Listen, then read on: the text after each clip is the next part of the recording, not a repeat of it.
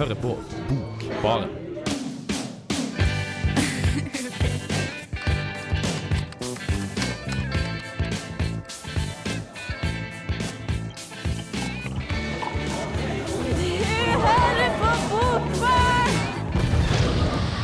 Du hører på Bokbaren på Radio Revolt, og nå så skal det følge en hel time reinspikka Arto Passilina. Den største samtidsforfatteren i Finland i dag, med en enorm bokproduksjon. 35 romaner, faktisk. I Finland så er en ny Passilina-bok et like sikkert høsttegn som at bladene blir gule, i alle fall nesten. Og De siste årene så har flere bøker blitt eh, oversatt til norsk, og her i dag så har vi tatt for oss eh, fire stykk bøker. Jeg har eh, her Sammen med meg i studio så har jeg Hans og Eline og Idun og Martin. Og jeg heter Kristine, og før vi begynner å prate om Paselina, så skal du få Einar Stray, 'Your Heart Isn't a Heart'.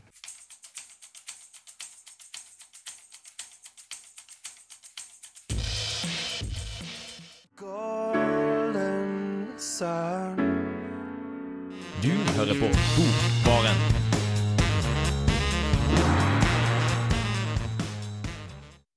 Du hører på Bokbaren, og her i kveld så prater vi om eh, Arto Passelina. Og Martin, hva kan vi egentlig si om han, tror du? Nei, altså, det er helt slående hvor interessant utgangspunkt han har, men uh, hvor kjedelig det påfølgende livet er. Ja, for Han har jo egentlig bare gjort én ting. Han har skrevet bøker. Uh, han har skrevet ei bok i året i, i snart 40 år. Han slutta jo i 2009 når han fikk hjerneslag, selvfølgelig, men det setter jo gjerne en stopper for kreativiteten. Men uh, før det så var det da nesten ei år i 35 år. Um, det var tre år, tror jeg fant, hvor han ikke hadde sluppet ei, ei bok. Mm. Og det er klart at da blir du sittende inn bak skrivemaskina ganske lenge. Altså. Om dagene. Det tar litt tid. Ja, Men hvor henter man inspirasjonen fra da, eller hva, liksom, hva blir temaet? Jeg tror det i, For Passelina så tror jeg det var noe i morsmelka, uh, rett og slett. Altså han, uh, er, han er, Jeg vet ikke helt hvilket nummer han er, men han har sju søsken. Fire forfattere. Én er skuespiller, og den siste er lærer. Jeg vet så. ikke om det er finsklærer eller svensklærer, men eh, jeg regner med det har et eller annet med, med, med liksom humaniora å gjøre, og ikke, ikke, ikke liksom realfag. For det virker å være en trend i familien Passelina. Ja, Så det er bare én som har fått seg ordentlig utdanning, da? jeg vet ikke, jeg har jobba som journalist før han ble forfatter, så, men jeg vet ikke hvordan journalistutdanninga i Finland er. Altså, det kan være at du liksom bare får, får et kart med, med redningene til Stortinget og beskjed om å gjøre ditt beste. Det er ikke godt å si. Uansett da, så ble han jo eh, ble han forfatter i 1975 uh, med, med 'Harens år', som jeg tror vi skal snakke om. Kom, han begynte vel før det, men 'Harens år' var den første store. Oh, usikker? Jeg, ja, han skrev vel to før det, tror jeg. Ok, Jeg har aldri hørt om dem, i hvert fall. Det, det er 'Harens år' som er den ja, store. Det, den, det er da det tok av. Ja. Uh, ja, vi skal vel snakke mer om det senere, skal vi ikke? Ja, Harensår og De finske skoger. Der har han iallfall henta en del inspirasjon, kan det virke som. Ja, og så den her uh, finske manns uh, tungsinn. Ja. ja. Jeg, jeg, tror ikke det går an til å være finsk forfatter uten å ta, ta stilling til det finske tungsinnet. Nei, for det er jo et litt sånn eh, tilbakevendende tema i finsk uh, samtidslitteratur. Jeg har sett nok finsk film til å vite at det ikke går an til å lage film i Finland uten å ta hensyn til det finske tungsinnet, så det er visst en eller annen greie der. her. Svaren har iallfall bekrefta våre fordommer kanskje mot finnene om alt det her stemmer, for det er jo helt vanvittig mye finsk drukkenskap i saunalivet og det som er. Altså, du kan si at det er, altså, Bøkene hans er jo uh, litt sånn, sånn sett prega av finsk kitsch. Altså, det er veldig mye sånn Finland-greier. Uh, så da kunne liksom hatt sånn fakta om Finland-cover. Uh, noe som også er en forfatter. Mye ville dyr og hogst og ja, Hva skal jeg si mandighet, da. Maskulinitet. Og fyll. Ja. Han har jo skrevet en bok som heter 'Kollektivt selvmord' fra 1990. Og det her handler jo om ja, det er masse tungsinn, og han Passelina var veldig fornøyd med at eh, det året han ga ut den boka, så gikk uh, selvmordsraten ned med 500 stykker. Oi, det er jo det, men Man håper jo at de 500 stykkene leste boka hans, da, at ja, ikke bare er et sammentreff. Så kanskje det er litt håp i dem òg. Ja. Det går i hvert fall an til å slå fast at, han er, at det er veldig mange som leser den. Han er jo den, den, den mest populære finske populærforfatteren. Eh, noe som jo vil, altså Han er oversatt til massevis av språk og er nok eh, ikke, også, Han er nok en av verdens mest leste sånn internasjonale populærforfattere, tror jeg det går an å si. Altså Oversatt til 45 språk, tror jeg jeg har lest. Mm. Det er jo helt utrolig. Sju millioner særte eksemplar. Ja, men det, altså, alle dem har jo ikke lest den. Nei. Flesteparten av sånn Her, for eksempel, er den sjuende i rekka som leser den. En pocket. Du ser den er ganske Å, ja, det- det- Harens det har år jeg så lyst til med. Harensår sitter med sitter ja. Så, Tror dere ser oss, vet du. å, du går på biblioteket, du, Nei, Nei, nei, Det her er flylappen min. det. Eh, her er min, først var det min tante som leste den, og så leste hele min familie på seks den. Så nå skal da min veileder i, i norskdidaktikk ha den neste. Wow. Så hun blir nummer åtte i rekka. Det må jeg si. Ja, her høres ut som det er mer enn bra nok grunn til å ha egen sending om Paselina. Så vi skal få litt mer Harens år etter eh, Kari Harneshaug med 'Don't Walk Upon My Ground'.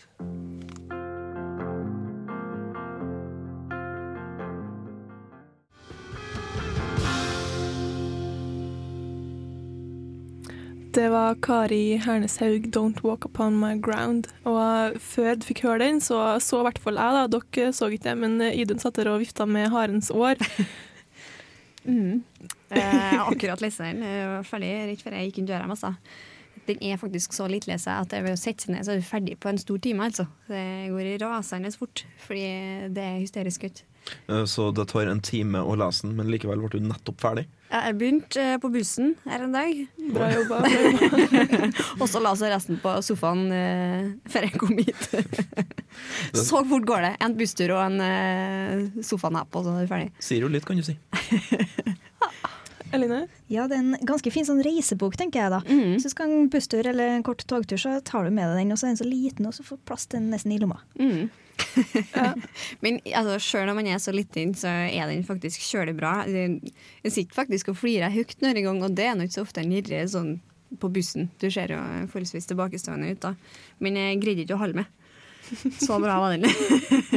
den er jo skrevet så på en måte Jeg føler på en måte han har en sånn ironisk distanse over det. Jeg bare ser for meg han i Nytt på Nytt i midten. Han kjekken. Hva han heter han? Han Jon. Almaas. Ja, ja, ja. Jeg ser for meg at det er han som sitter og skriver. Han greier alt humor. ja, det er, det er rett og slett dritbra. Det, er jo, det her er jo henta fra de finske skogene som vi preka om eh, i stad. Og eh, introen er jo um, midtlivskrisemenn igjen. En journalist og eh, en fotograf som er på tur hjem etter oppdrag. Kan vi få, også alle sammen her i rommet har jo lest en bok av Arto Paselina. Kan alle sammen rekke opp handa eh, som leste en bok som handla om en middelaldrende mann? Ja, men det gjør jo mest av alt. Det var, det var alle. Alle, Om ikke faktisk. hovedperson, så i hvert fall en, en veldig uh, En viktig person. Ja. Mm. En sentral skikkelse i regjeringa av en middelaldrende mann. Mm. Men hva som skjer med denne middelaldrende mannen? Eh, Hva har det med hara å gjøre? Ja, han kjører, eh, Fotografen kjører på en harre, da. Og han her som er journalist, eh, han sprenger ut etter den harren. Og han finner harren som er skada i foten. Så tar han vare på han, og, og skal da senere få høre at uh, fotografen han bare kjører fra han. Og det skal jo bli helomvendinga i eh, livet hans. Han uh, orka ikke det her storbylivet lenger. og ja, tar ut alle pengene sine, reiser fra kjerringa si og jobben sin og stikker til skogs. Og det her er rett og slett ei vandring da, gjennom hele Finland, der han har med seg denne eh, se- Som er sånn halvdau? Nei da, den kvekna det, ikke Den kvekna det. Kanskje, kanskje vært, nesten, nesten vært ei bedre bok hvis den var halvdød, tenker jeg. Det, jeg tror jeg vil lese den. Den er der på midten, ikke Cirka. Okay. Men den får til å fikse den igjen. Du kan jo få lese den sjøl. Skal ikke avsløre for mye her nå, men slutten er faktisk helt hysterisk. Kjempebra. Oi. Og det er ikke så ofte. Skal vi, skal vi høre litt på Ja, og så gir jeg det. Ja. På en liten bakke kom en liten hareunge sprittende fram mot lyset. Yr over sommerens skjønnhet ble den stående på bakbena midt på veien og avtegna seg malerisk mot den røde sola. Fotografen, så kjær, så det lille vesenet der ute på veien, men den sløve hjernen hans reagerte ikke fort nok, og han rakk ikke å styre unna. Han tråkka på bremsen med den støvete skoen sin, men for sent. Det forskremte dyret hoppa rett opp i lufta. Det lød et svakt dunk da han traff frontruta. Og så for den så en vått inn i skogen. Ei, du kjører på en harry, sa journalisten. Helvetes krek! Bra at frontruta ikke gikk synd. Fotografen stoppa og rygga bilen.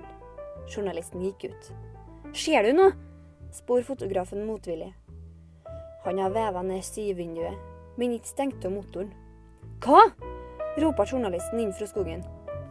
Fotografen tente en sigarett. Sug disse rækjene med lukka øyne. Han våkna først til da han brente fingrene. Kom deg nå ut derifra! Ei tid til å bli stående her!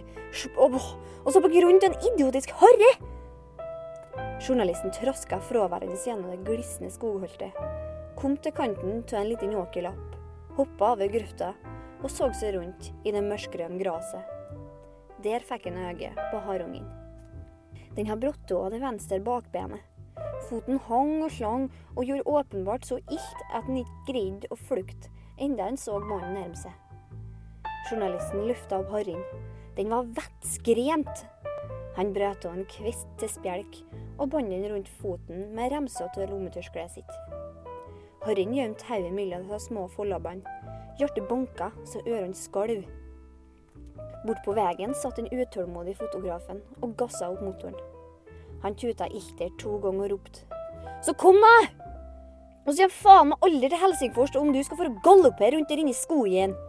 Nå kommer du straks, ellers vil du komme deg hjem på egen hånd. Journalisten svarte ikke. Han holdt lille styret i armene sine. Harren så ellers ut til å være oskadd, og begynte så smått å rose ned. Fotografen gikk ut av bilen. Han speida rasende inn i skogen, men racerføla hans var fordufta. Han bånda, tente enda en sigarett og vandra fram og tilbake på veien. Da det ikke hørtes noe fra skogen, stumpa han sigaretten i veistøvet og brølte. Da får vi være igjen her, da! Ha det med deg, jævla idiot! Fotografen ble stående og høre litt til. Men da han ikke fikk noe svar, satte han seg sint inn i bilen, tråkka på pedalen, satte bilen i gir og for av sted.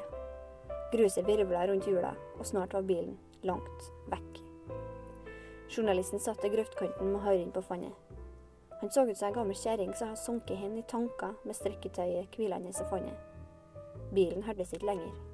Sola gikk ned.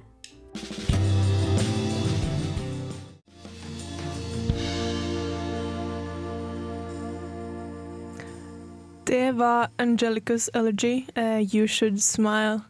Eh, og før det så hørte vi Idun som prata om eh, Harens år, som kanskje er den boka av Arto Paselina som er mest kjent og mest lest. Og den han kanskje ble kjent for i utgangspunktet også. Men eh, Eline, du har lest ei anna bok som òg har kommet ut på norsk ganske nylig. Ja, 'De hengte revenes skog' heter den, og den er også blitt ganske populær. Det er litt, litt samme gata som Harens år, fikk jeg inntrykk av. Det handler i hvert fall om eh, fyll og finske skoger her også. og middelaldrende menn. Ja. Mm. Så det, men det er, det er litt mer eh, kriminalitet i den her, kan du kanskje si da. Det handler jo om uh, hovedpersonen som heter Oiva Juntunen, og han, har, uh, han var med på et ran, faktisk i Den norske bank, og stakk av med noen gullbarer. Og meninga var jo at han skulle dele det her med kompisene sine da, når de slapp ut fra fengsel.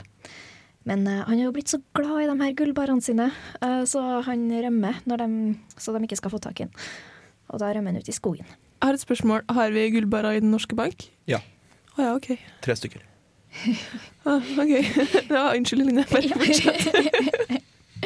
ja, tydeligvis. Uh, og, og han gjemmer, seg, gjemmer jo det her i skogen. Og så får han, besøk, han får besøk av litt sånn rare folk etter hvert, da, som danner en, eh, en veldig merkelig gjeng. Og først så er de uvenner, og så blir de venner, og så er det litt artig.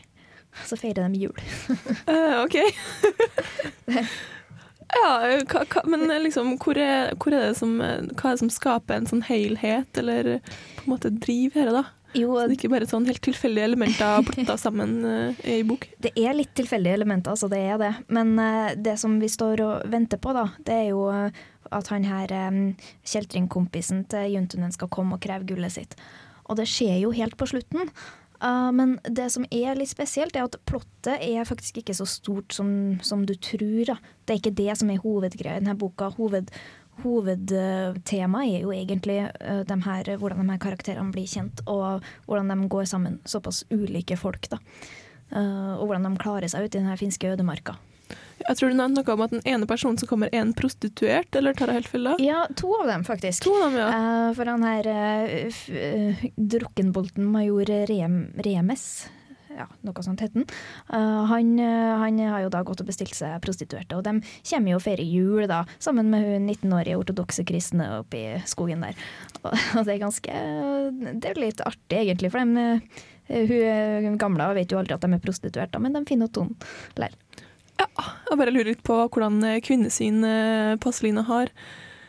Hm, ja. Ja, det kan du lure på, du, ja. Hans. Jeg tenker på et veldig finsk nett, som vil sannsynligvis si ikke veldig godt. Eh, Det altså, tungt veldig med at de skal at de skal hente øl og varme opp badstua.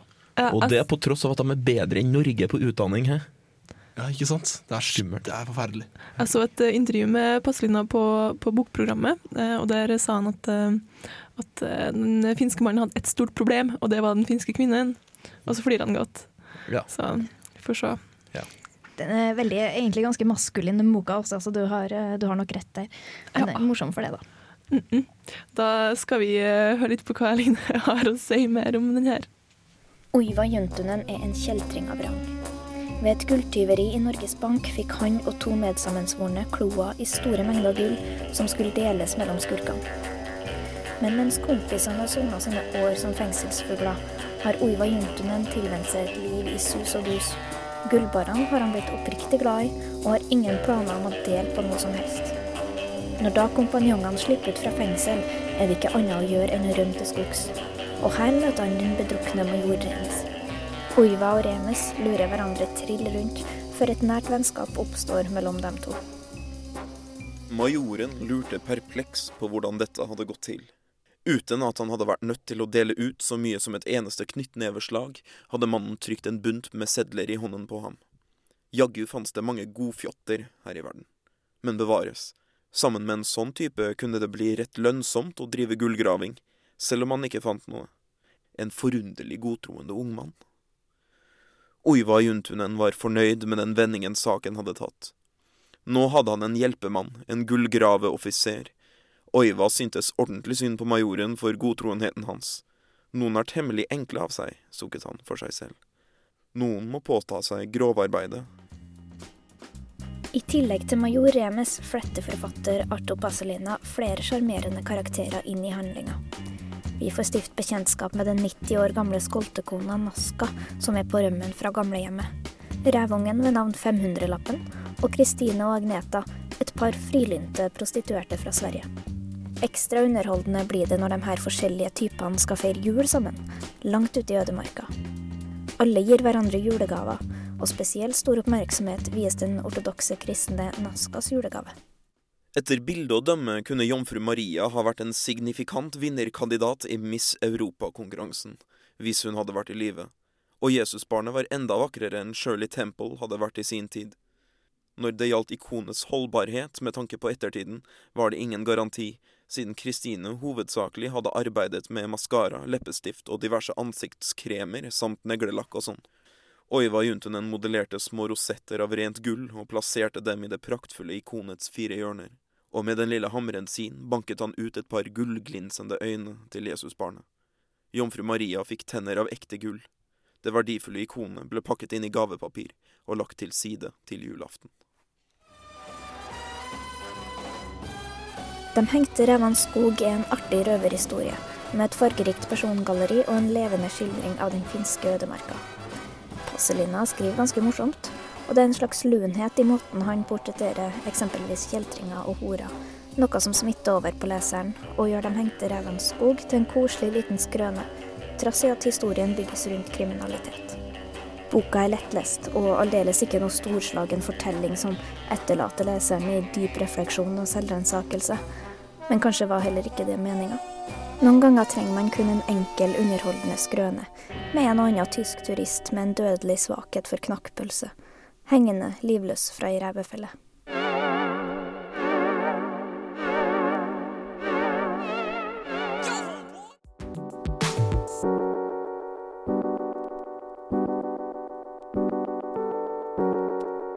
Ja, hallo, ja, du. Trondheims eh, vakre fjell og Nidelv ja, Det er Tore Renberg her. Dette er studentradioen i Trondheim, og du er jævlig heldig som hører på den.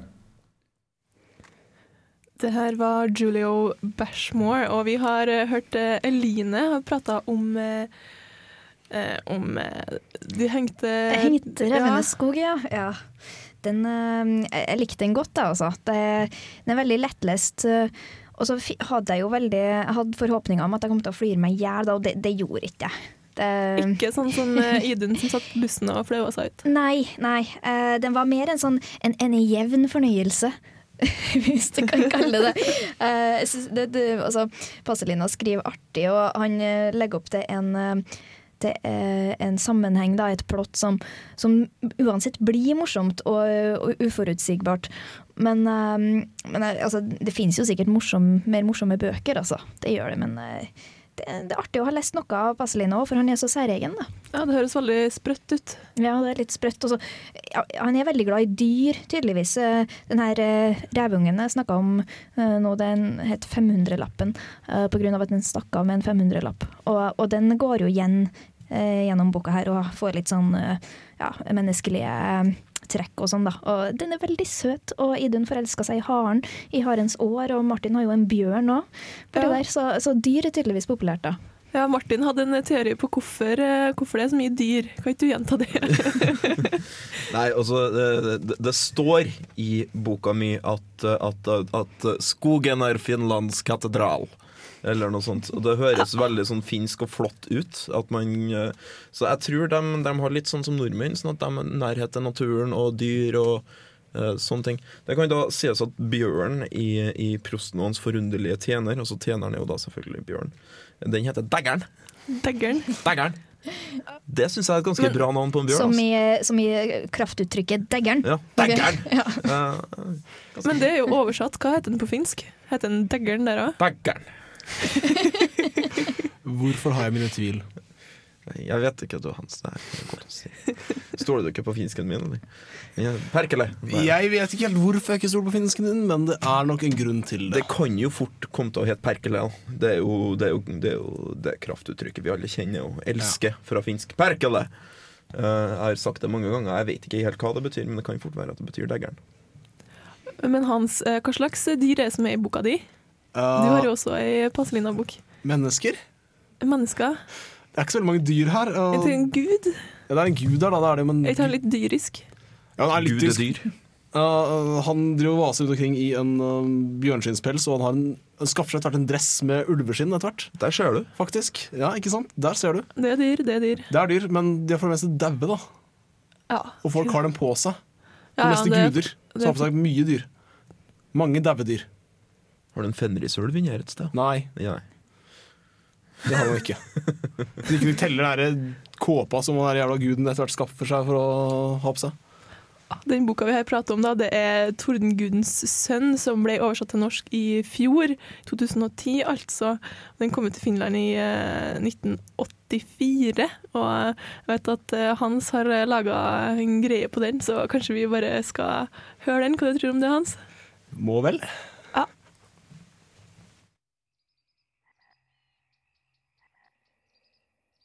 Det er ikke alltid greit å være en gud, særlig hvis du ikke skriver navnet ditt Allah eller med stor G. Generelt sett går det dårlig for de eldre gudene, og de finske er ikke noe unntak. Det er enighet i den finske himmelen at verden holder på å glemme dem, noe de syns er veldig kjipt. Så de bestemmer seg for å gjøre det kristendommen gjorde for om lag 2000 år siden. En aldri så liten markedsundersøkelse. For å foreta denne kombinasjonen av markedsundersøkelse og PR-kampanje sender Rutja, tordengudens sønn.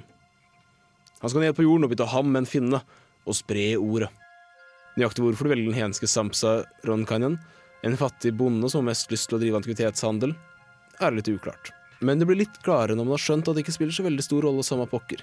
For Rutja har La oss si det slik at gudene ikke har helt kontakt med hva som skjer på jorda, og hvordan folk tenker, og Rutja er en av de mest naive. Kanskje like så greit at de velger Samsa. Livet hans kan knapt bli mer ødelagt. Påslina, som har skrevet denne boken, 'Tordengudens sønn', har vunnet en rekke priser siden debuten i 72. 'Tordengudens sønn' kom ut i 84, Og siden det var lenge før jeg var påtenkt, har det eneste jeg har hørt om fyren, er at han er rasende morsom. Han har visstnok en tørr humor, ispedd en god dose ironi og en forrydd måte å se verden på, som gjør at du ligger på gulvet og ler av deg både hud og hår. Så, når jeg fikk Tordengudens sønn mellom fingrene, hadde jeg forventninger. Jeg åpner boka. Jeg begynner å lese. Og jeg gjesper. Og fortsetter med det. Det er ikke fordi boka er direkte kjedelig som sådan. Det er heller det at den er skal vi si tafatt. Jeg kan ikke si noe mer positivt om den enn at den ikke er direkte kjedelig. Det er delvis fordi den prøver hardt å være sprø, på en tørr måte, men ikke helt når opp til det nivået jeg vil kalle sprøtt. Den mangler de virkelig gode formuleringene, og når den gode herr Påslina forsøker å gi oss et nytt syn på verden, vel, jeg syns han bruker forbanna lang tid på å beskrive en eh, middelmådig tur på dass.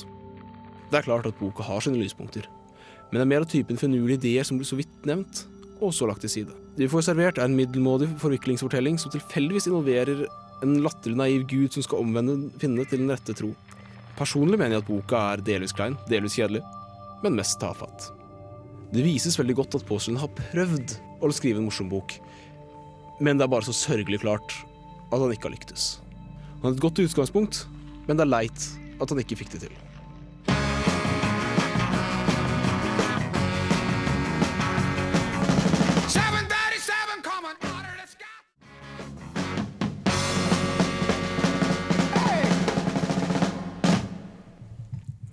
Det var Creedence uh, Traveling Band.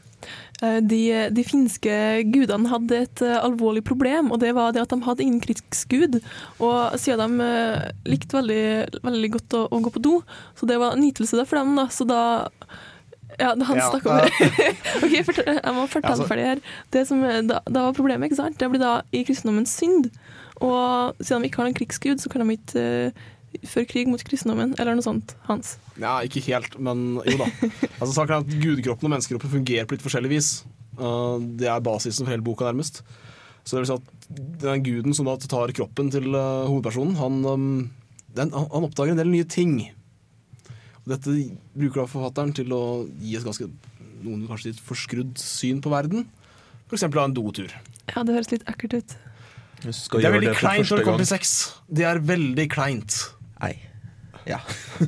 ja. Men trekker ikke det her opp eh, boka, kanskje? Eller? Nei, Nei. jeg syns ikke han, han, gjør det ikke godt nok. Altså, han, synet er ikke absurd. Altså, vinkling, vinkling er ikke absurd nok. Beskrivelsene er ikke gode nok. Og språket er egentlig bare tafatt.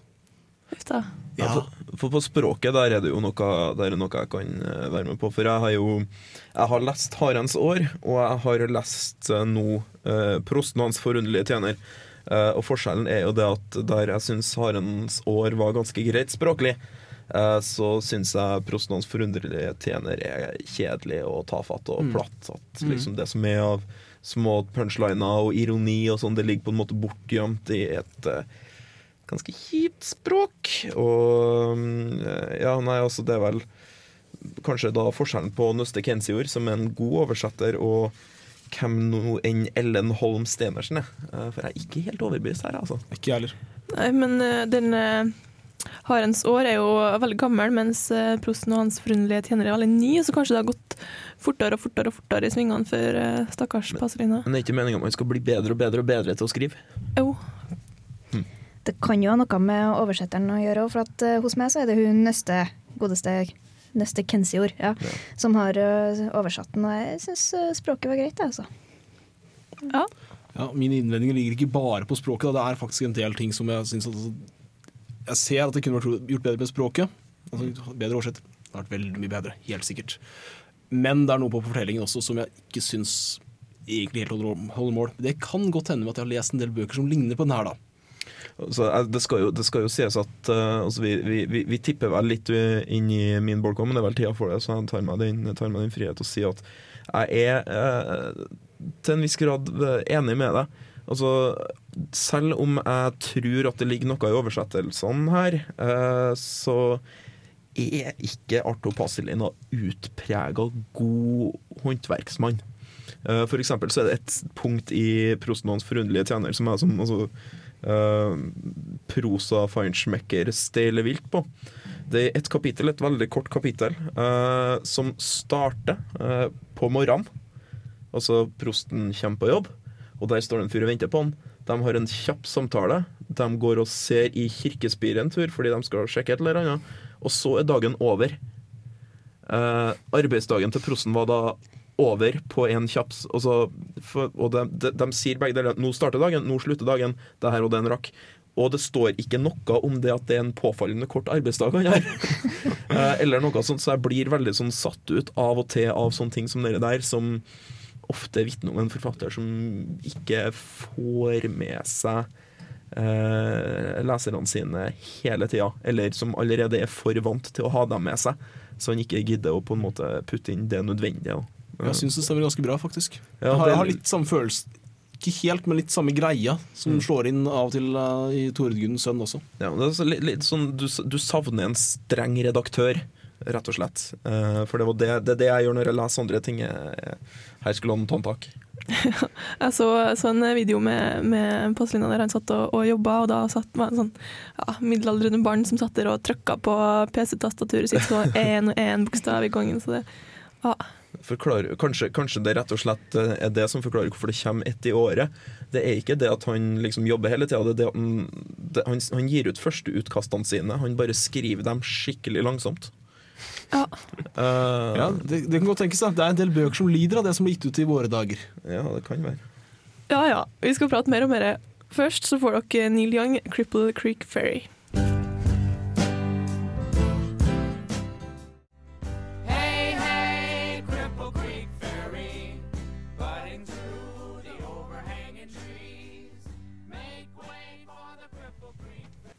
Det her var Neil Young, 'Cripple Creek Ferry', og du hører på Bokbaren. Og vi er midt i en samtale her om, eh, om eh, Arto Passelina. Ja, han vi har snakka om den siste timen. Ja. Egentlig er midt i samtalen om hva som er feil, men Ja, for vi har vel kommet så langt nå, er ikke vi, er ikke vi egentlig det? Altså, for eh, det er jo det, det, det, Jeg tenker da, jeg skjønner hvorfor Arthur Pasolina er veldig populær. Uh, man, han skriver tidvis morsomt, syns jeg. Eh, han har veldig mye gode ideer. Man flyr gjennom prosaen hans. Eh, men der har du også kanskje ulempen. Av og til så går det litt for for fort, og de eh, flotte ideene kommer litt for hyppig og blir litt for enkelt formidla. Eh, plottene henger ikke alltid helt sammen, og det blir kanskje litt vel Altså Det er veldig mange forfattere som etter hvert går i den fella at det blir veldig mye poetikk. Det blir veldig mye sånn Jeg kjører bare min egen greie, og leserne mine syns jeg er kul, og så er vi på en måte ferdig med en ny bok. Vær så god, her er den. Og så begynner jeg bare på en ny en, og så gir jeg 35 bøker. Han er jo anklaga for at han liksom gjentar det samme i alle bøkene, at det går på det samme temaet. Ja. Så Altså, Philip K. Dick eh, sa noe sånt som at eh, altså, enhver forfatter som har noe å si, eh, skriver den samme boka om igjen og om igjen. og om igjen. Men, eh, men eh, problemet blir jo når en forfatter skriver den samme boka om igjen og om igjen, og om igjen, og man ikke oppdager at han har noe å si egentlig. kanskje han egentlig har det, bare at han aldri kommer frem til poenget. Han ikke får det frem, og da må han skrive 35 bøker om det samme. At det er jævlig å være middelaldrende mann i Finland, men det vet jo alle fra før. Og det har han skrevet ganske mye om. Ja. Og nå ser det vel ikke ut som han kommer til å skrive noe mer heller. Så vel, da får vi aldri vite det, du. Skal ikke, skal ikke snakke stygt om dem eh, om slagpasienter, eh, men eh, det kan jo være at han har fått sagt det han skulle si, for å være litt kald og jævlig. Vi får uh, håp på det. Nå kommer Led Zeppelin, så nå er jeg tilbake i 14-årsalderen her. 'Immigrant Song', vær så god.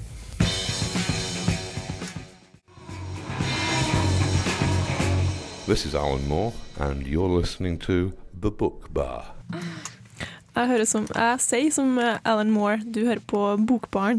Og vi har eh, temasending Arto Paselina i dag, og har prata masse om det i en hel time. Så ja, Vi, ja, vi har vel eh, kommet fram til at vi syns det er greit, men det er litt overvurdert, kanskje? Det i hvert fall det jeg og Martin har kommet frem til. Det, det, jeg vil si at det, det, det, det, det, det, det er mer en sånn konsekvent terningkast fire enn en, en terningkast fem, i hvert fall. Eh, så I folk som vil skryte på litterære kvaliteter. men hvis man, uh. Hvis man eh, plusser sammen da, terningkast fire ganger eh, 35 bøker, det er vel ganske Det er massivt. likevel en anstendig produksjon, må si det. Også. Det er en anstendig produksjon, men på den annen side så er det kanskje litt bemerkelsesverdig at den ikke har kommet seg noe høyere heller. Nei, men Altså et, Etter 35 bøker så burde man, som Martin sa, ha lært noe. Han har vunnet eh, flere priser i, i Tyskland og i eh, Italia og Frankrike, i hvert Ja. Italia og Frankrike. Og eh, jeg vet at eh, Idun var i hvert fall veldig fornøyd med Harens år. Altså, for, bare for å avrunde mitt egen syn, altså, jeg skjønner det, men du kunne like godt gi de samme prisene til Alan Loe eller for den saks skyld Terry Pratchett, eh, som også gjør litt sånn Pratchett vil jeg si gjør samme greia. Uh, ja. I alle fall, denne sendinga her så har vi prata om Arto Pasolina, og Idun Fivelstad hun har snakka om Harens år, og Eline Bjerkan har prata om De hengte revenes skog. Hans Kvernsjøli har prata om Tordengudens sønn, og Martin Ingebrigtsen har prata om prosten og hans forunderlige tjener. Jeg heter eh, Kristine Bangstad Fredriksen, og sammen med oss eh, i studio så har vi teknikerne våre som heter Arne By og Bendik Bolme. Tusen takk for oss.